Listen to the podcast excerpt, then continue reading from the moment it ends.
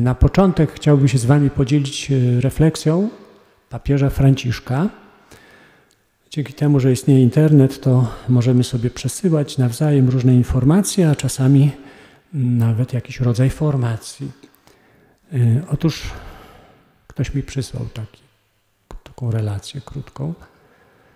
E, papież e, sprowokowany przez jednego z biskupów e, zadał sobie pytanie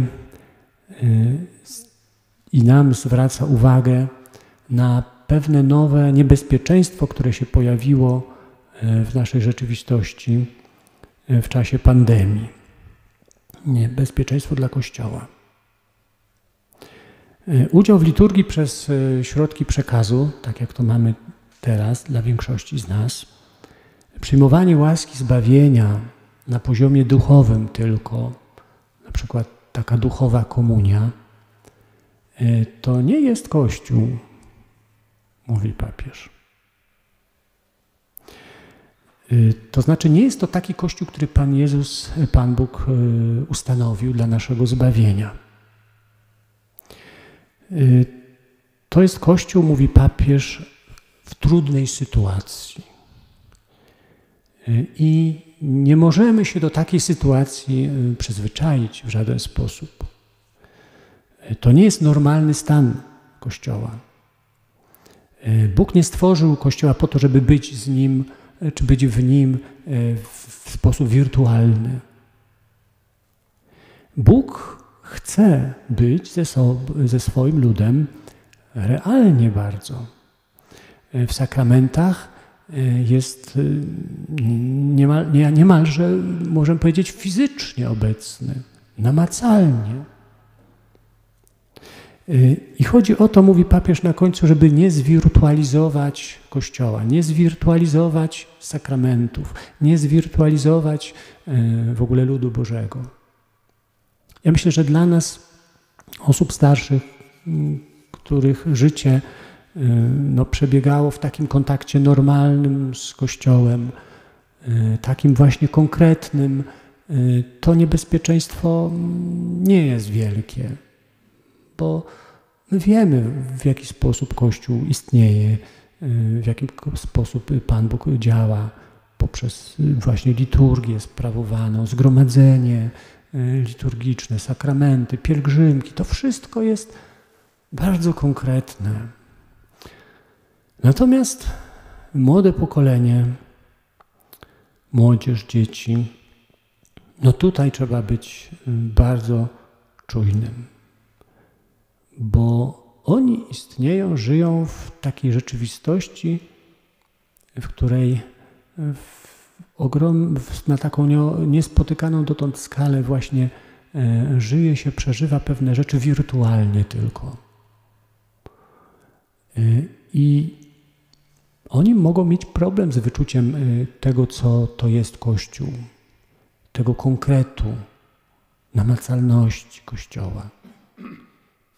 I mm, myślę, że dla wielu teraz ten Kościół, taki namacalny i konkretny, to jest w domu właśnie.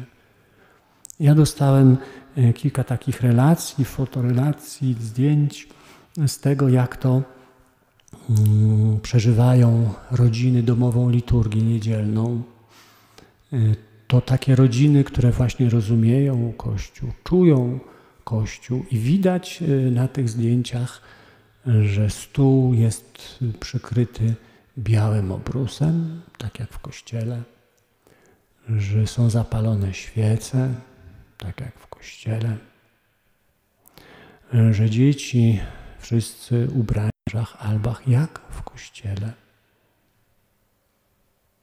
Po to właśnie, żeby nasze y, zmysły, nasze ciało y, no, uczestniczyło jak najpełniej w tym wydarzeniu, które właśnie dokonuje się gdzieś tam w kościele. Tu jest wszystko ważne. I odpowiedzi, i śpiewy, w których uczestniczymy, y, i postawy liturgiczne, które przyjmujemy. Y, nie ma niczego złego, jeżeli uklękniemy w tych momentach, w których klękamy w kościele. Bo nie klękamy przed ekranem, tylko przed Panem Jezusem. Y, no więc chcę zachęcić, żeby, żeby przeżywać taką liturgię domową właśnie w taki sposób, zanim wrócimy do normalnego stanu przeżywania Kościoła tutaj, gdzie on jest. Y, teraz wróćmy się do czytań. Y, one dzisiaj mm, tak eksponują bardzo wyraźnie rolę Słowa Bożego, a konkretnie zapowiedzi prorockich, które y, dotyczyły Mesjasza. Piotr tutaj tłumaczy zebranym to, co się wydarzyło, wydarzenie śmierci i zmartwychwstania Jezusa, właśnie tłumacząc to, powołując się na proroctwa z Dawida.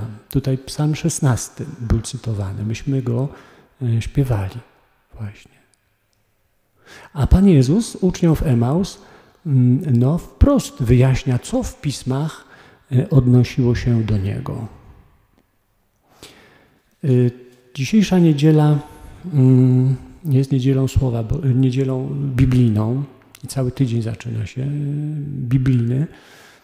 I jesteśmy zachęceni do tego, żeby więcej słuchać, więcej rozważać, czytać właśnie Słowa Bożego. Bo Słowo Boże człowiekowi wierzącemu tłumaczy rzeczywistość. Tłumaczy, co się dzieje w jego życiu. Właśnie Słowo Boże ma taką moc. My dzięki Słowu Bożemu mamy spojrzenie na e, to wszystko takie Boże.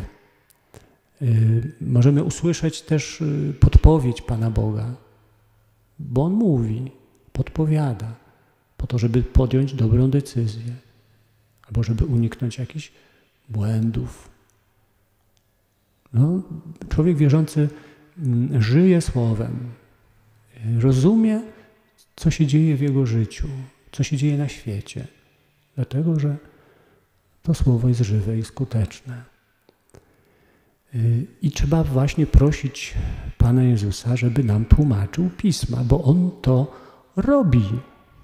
On tak samo jak tym uczniom w Emaus. My jesteśmy uczniami zdążającymi do Emaus i Pan Bóg w naszej pielgrzymce, w której jesteśmy, też się przyłącza i tłumaczy nam pismo, tłumaczy nam życie. I jeżeli będziemy wierni takiemu słuchaniu słowa, to nasze serce y, będzie pałało, będzie gorące. Będziemy pragnęli, coraz bardziej pragnęli i tęsknili za spotkaniem właśnie z tym, z którym jesteśmy, z którym żyjemy, y, za spotkaniem, które już y, jest najpełniejsze z możliwych tutaj y, na Ziemi.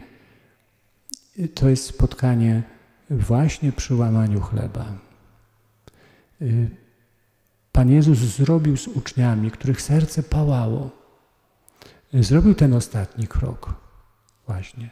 Usiadł z nimi za stołem. Wziął chleb, pobłogosławił, połamał. To było tak czytelne dla nich, że oni dopiero wtedy rozpoznali go, że on jest tu i teraz. On. I moi drodzy, Kościół nie ma większego skarbu niż Eucharystia. Bo tutaj mamy Jezusa. Tu i teraz. I dlatego klękamy przed Eucharystią, bo rozpoznajemy w nim Jezusa, w niej Jezusa. I tak jak Pan Jezus chciał, właśnie karmimy się y, Jego ciałem jako chlebem y, w tej pielgrzymce. I to jest to, za czym nasze serce y, tęskni, powinno tęsknić i nigdy tego się nie wyrzec.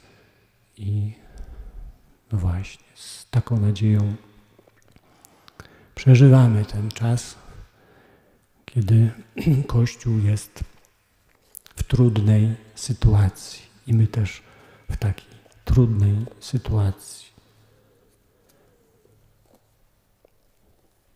Amen.